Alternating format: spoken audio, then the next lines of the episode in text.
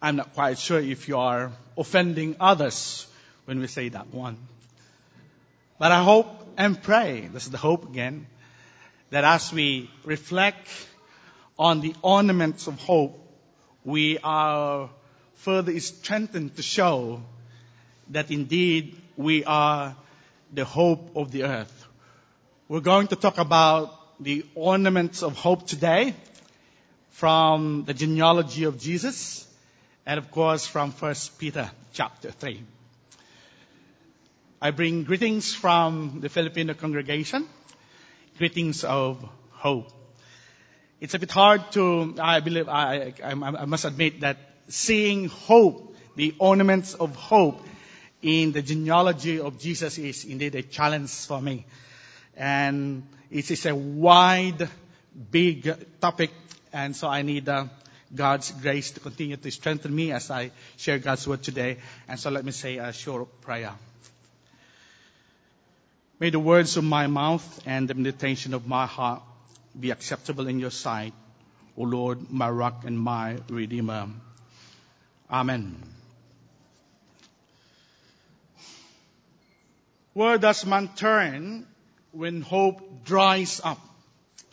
When does man turn when hope dries up? Of course, I answered that question. I ran, I ran to my mom and dad. They, they, uh, I went to the seminary straight from high school after high school. And it's a six years program, a residential program. And before we take the theology proper, we have to take two years in college and take all those uh, common normal subjects like mathematics. After my first semester, I failed math. And I was so devastated. I thought my hope of pursuing the seminary were gone, so I ran to my mom. And then I talked to her and said, Mom, I'm sorry uh, your hope to see your son finishing the seminary is gone. She asked me why. I failed math. And then she talked to me and encouraged me. And then my hope that was totally devastated or dries up started to grow again. So where do you run when you run, uh, when, where do you run when your hope dries up? We run to mom and dad because there are a lot of encouragement from them. Um, last night I was at the ponds, uh, what, uh, joining everybody with this uh, spectacular color, and I overheard a, a young girl saying, "I hope it won't rain.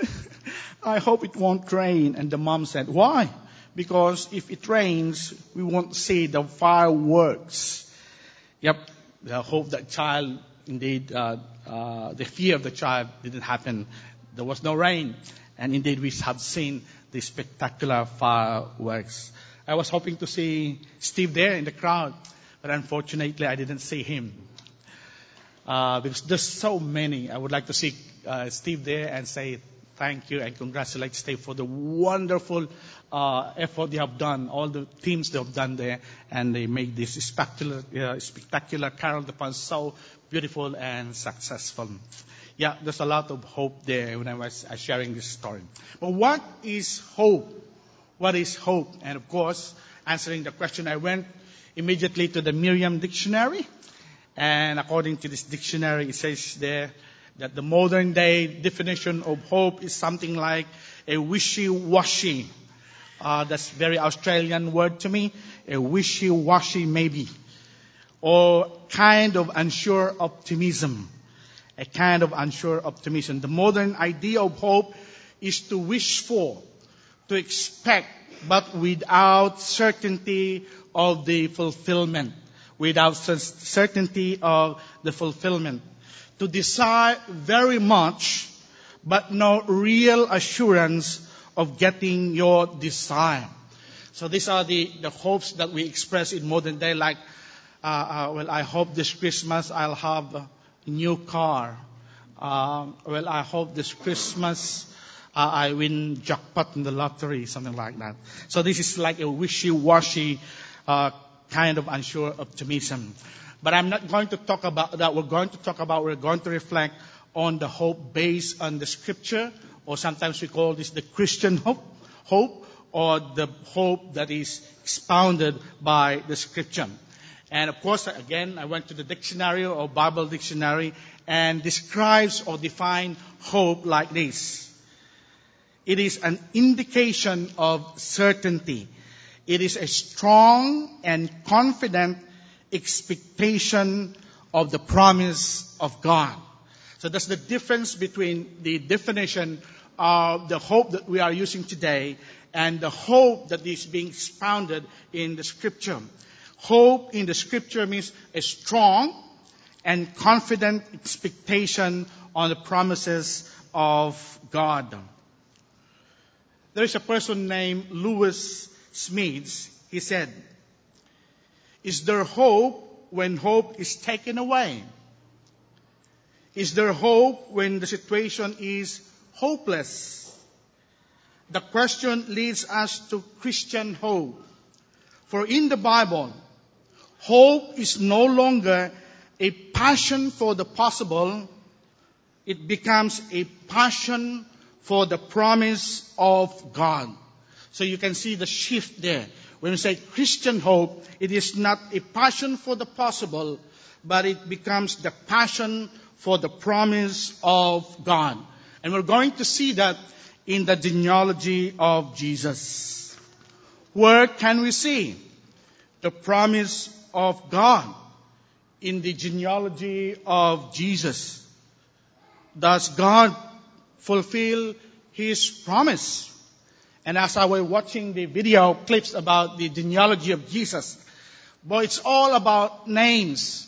And I cannot see promises there. I can see names there. Last Sunday, Pastor Steve brilliantly showed to us the ornament of grace when he told us about the story of the men and women in the genealogy of Jesus. There was this question, why? Why were they included in the genealogy of Jesus like Tamar, Rahab, Uriah's wife, when in the first place, they are like us, sinners, adulterers, you name it, there you got it. Why were they included? Why were their families, their genealogy, their ancestry were there? In other words, these are the family, his word, a messed up family, so to speak. But Steve shown us the ornament of grace because according to his teaching, and I firmly believe that God included them in the genealogy of Jesus because he would like to save this mess up family. In other words, God included them, this mess up family, because He will save them, and that is the context, that is the, the, the reason of that grace. When God, His Son, was pleased to take our human nature, He came near to us in our fallen and wretched condition but he was perfectly free from sin. And while we read the names of the genealogy of Jesus, we should never forget how the Lord of glory took our form, even how messed up we are, to save the human race. I would just like highlight a few of God's promises in the genealogy of Jesus. Because there's a lot of uh, uh, Bible passages that talks about hope in the scripture. But I would like to, to see this ornament hope of hope in the genealogy of Jesus. And we'll see if these promises of God is fulfilled or being fulfilled. In Genesis chapter 3 verse 15, we read the first promise there this Genesis chapter 3 verse 15 talks about a person who will crush the serpent head. And we see it there in Genesis chapter 3 verse 15, the first promise of a redeemer, a person who will crush the serpent head. And so this is the beginning of a long line of prophecies and promise concerning the coming of the Messiah. The promised one would be from the woman's seed. The promise would be from the woman's seed, and of course, it is an indication of the eventual birth of a, a, the virgin birth of Christ. Now, in the book of Isaiah, chapter 7, verse 9, 14, we read this. Therefore, the Lord Himself will give you a sign. The virgin will conceive and give birth to a son, and will call him Emmanuel. Now, what this got to do with the genealogy? Where do we find this first promise of Redeemer? We, we can read it in, in the genealogy of Jesus. But I would like to call your attention on Matthew chapter 1 verse 9. In the genealogy of Jesus, it says the Uzziah, the father of Jotham, Jotham, the father of Ahaz, Ahaz, the father of Hezekiah. Uh, there's nothing mentioned about the promise of a redeemer. Now, if we read the, the first chapter of Isaiah, chapter 1, it mentions there that the vision of Isaiah happened in the time of these kings. The time during of, of Ahaz, Jotham, and Hezekiah.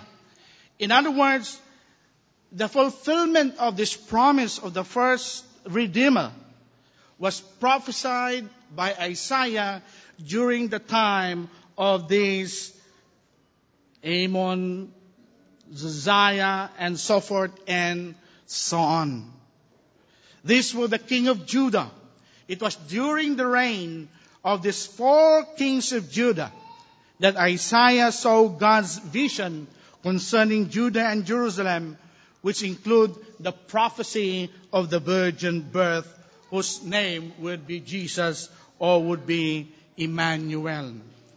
And so, if we are reading the genealogy, as if there's nothing there, all about names. But we thank the Lord that Isaiah chapter 1 supplies the details, the, the importance of these rulers of Jerusalem and Judah and mentioned God showed his vision, God fulfilled his promise, and indeed it happened that the virgin uh, gave birth to a son named Jesus. So we read in this genealogy, this particular four rulers of the vision of God, of the promise of God, that someday a virgin will give birth to a son, and you will call him Emmanuel, and that's exactly what happened. Hope lies on the promises of which God made. The second hope that I would like to share with you is, I think, very familiar to all of us, is from the story of Abraham, Isaac, and Jacob. We read that in, uh, in Matthew. The son of Abraham, Abraham was the father of Isaac, Isaac the father of Jacob, Jacob the father of Judah, and so forth and so on.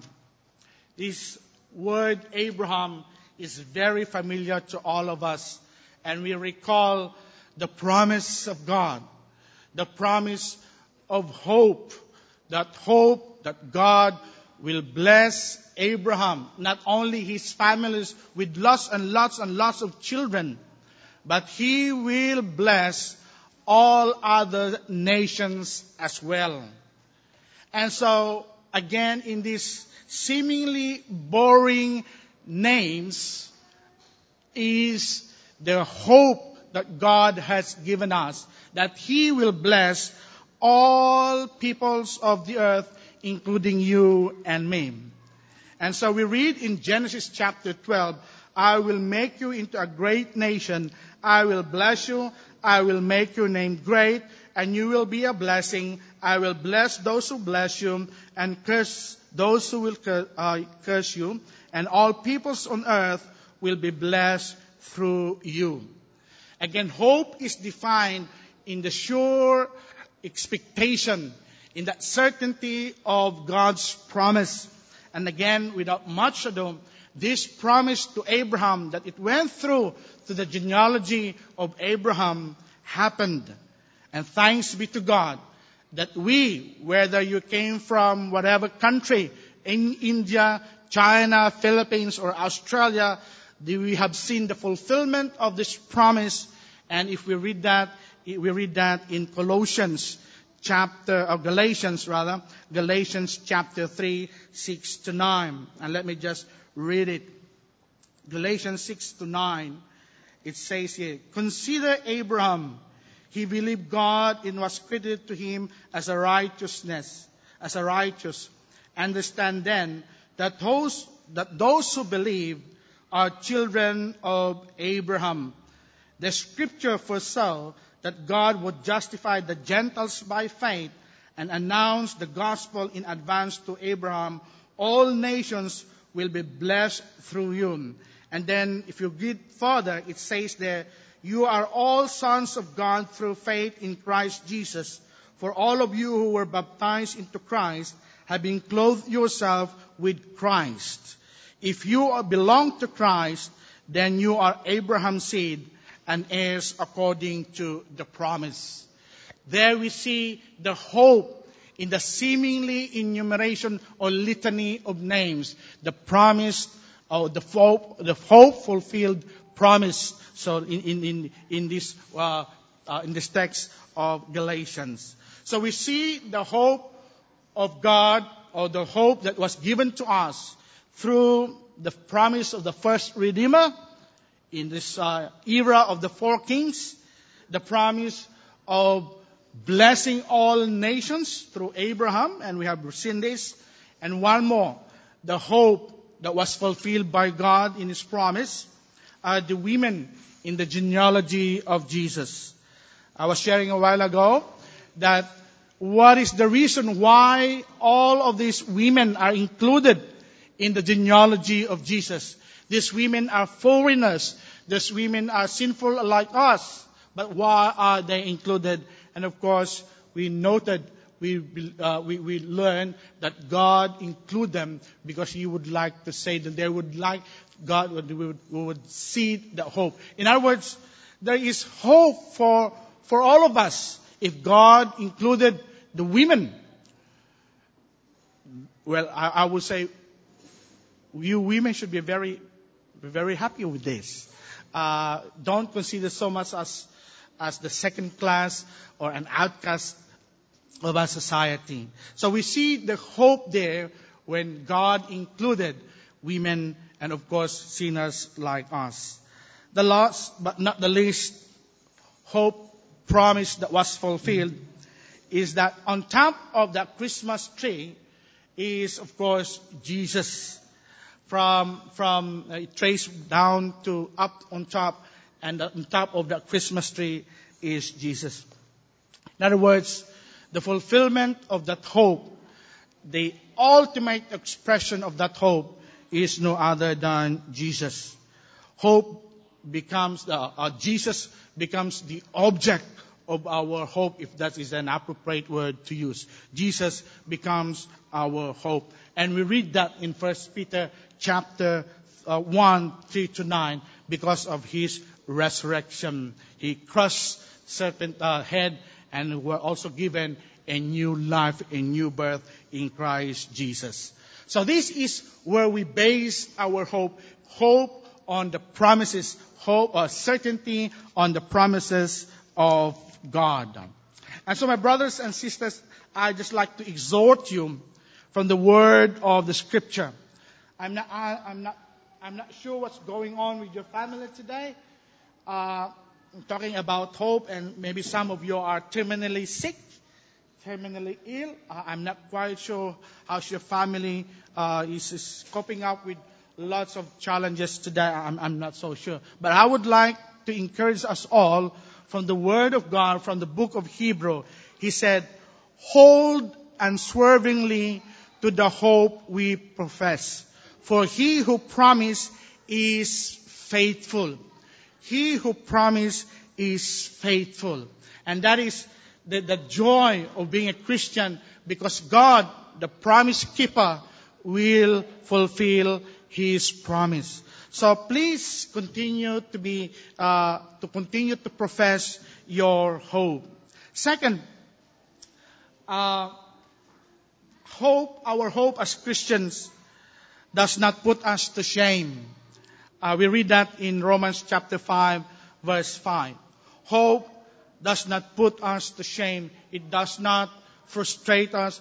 It does not uh, in, in put us into a, a, a, something like an embarrassment because God uh, has put into our hearts by the Holy Spirit His love. So my brothers and sisters, I would like us all to continue to profess that faith because our faith and our hope does not put us to shame because we have seen how God fulfilled His promise.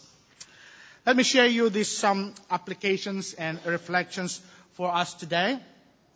Um, here is one person who is full of hope. His name is uh, Jürgen Moltmann. He is a German theologian, and he was uh, he was alive during the time of Hitler, and he's one of the Christian ministers who worked against Hitler. And this is what he said. Moltmann believed that God's promise to work in the future, God's promise to work in the future is more important than what he has done in the past. God's promise to work in the future is more important than what he has done in the past. Because he said the implication of this focus on the future is not withdrawal from the world in hope that a better world will somehow evolve. Rather, hope advocates active participation in the world in order to speed the coming of the better world. He said, Father, Christian is seen to be a hoper, H-O-P-E-R, someone who is impatient and terribly dissatisfied with the current status of the world. He said further, it is hope which sustains and carries each believer through life.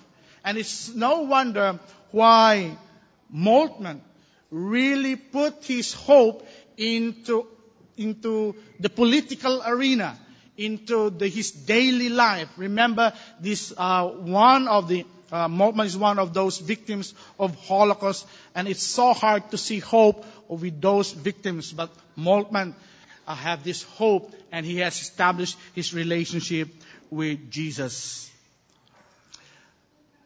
Let me share you this uh, uh, last illustration of an experiment about hope. Uh, there was this uh, experiment of a smart scientist. He has this group of rats, and he would like whether the rats has hope. So ten rats, he put it on a a tub of water, and he asked them to swim, and he leave it there. The next day, he saw the rats all dead. The next set of rats, he put it in a tub of water and then he stayed there and then every time the rats uh, how do you go, started to drown, he, he lift them up and saved them. So every time the rats drowned, he lifted them up. And then he, the next day, he put these rats again and interestingly, according to him, according to his uh, experiment, the rats started to swim and swim for 24 hours a day. He came up with a conclusion that rats swim because they hope that they will be saved. He had his conclusion that hope makes us uh, alive, makes us going, it makes us wake up in the morning. Hope is one of the best gift, one of the best virtues of God has given us. And so Paul said that there are three things that will last forever. faith, hope, and love. My brothers and sisters, it is my prayer that we as a church, we are the hope of the earth. In other words, when, when, we, when we see the person next to us, I, I pray that we won't see him also only in terms of the, his vital statistics. When you see a person next to you, I pray that you don't just see him in terms of his color. When the person next to you, you see him, I hope you see him from the perspective of the hope promised fulfilled by God in Christ Jesus. And so, my brothers and sisters, it is our prayer indeed that with this hope that is in us, it will be indeed based on God's promise, not from this wishy-washy and certain things. May the Lord of hope continue to bless us all. Let me say this prayer. God our Father, we thank you that you are a promise keeper and you have indeed enlightened us and continue to affirm in us the hope that we profess. We have seen how you fulfilled your promise in the genealogy of Jesus when you fulfilled your promise for us to have a redeemer for you will bless for you to bless all the peoples of the earth for you will bless all women and women regardless of the sinfulness, of the wretchedness. We are thankful, that, loving Father, that we see Jesus. We take Jesus as our hope. By the power of your Holy Spirit, loving Father, may we radiate this hope in our families and in the wider communities, that me people will come to know you more and more and be saved.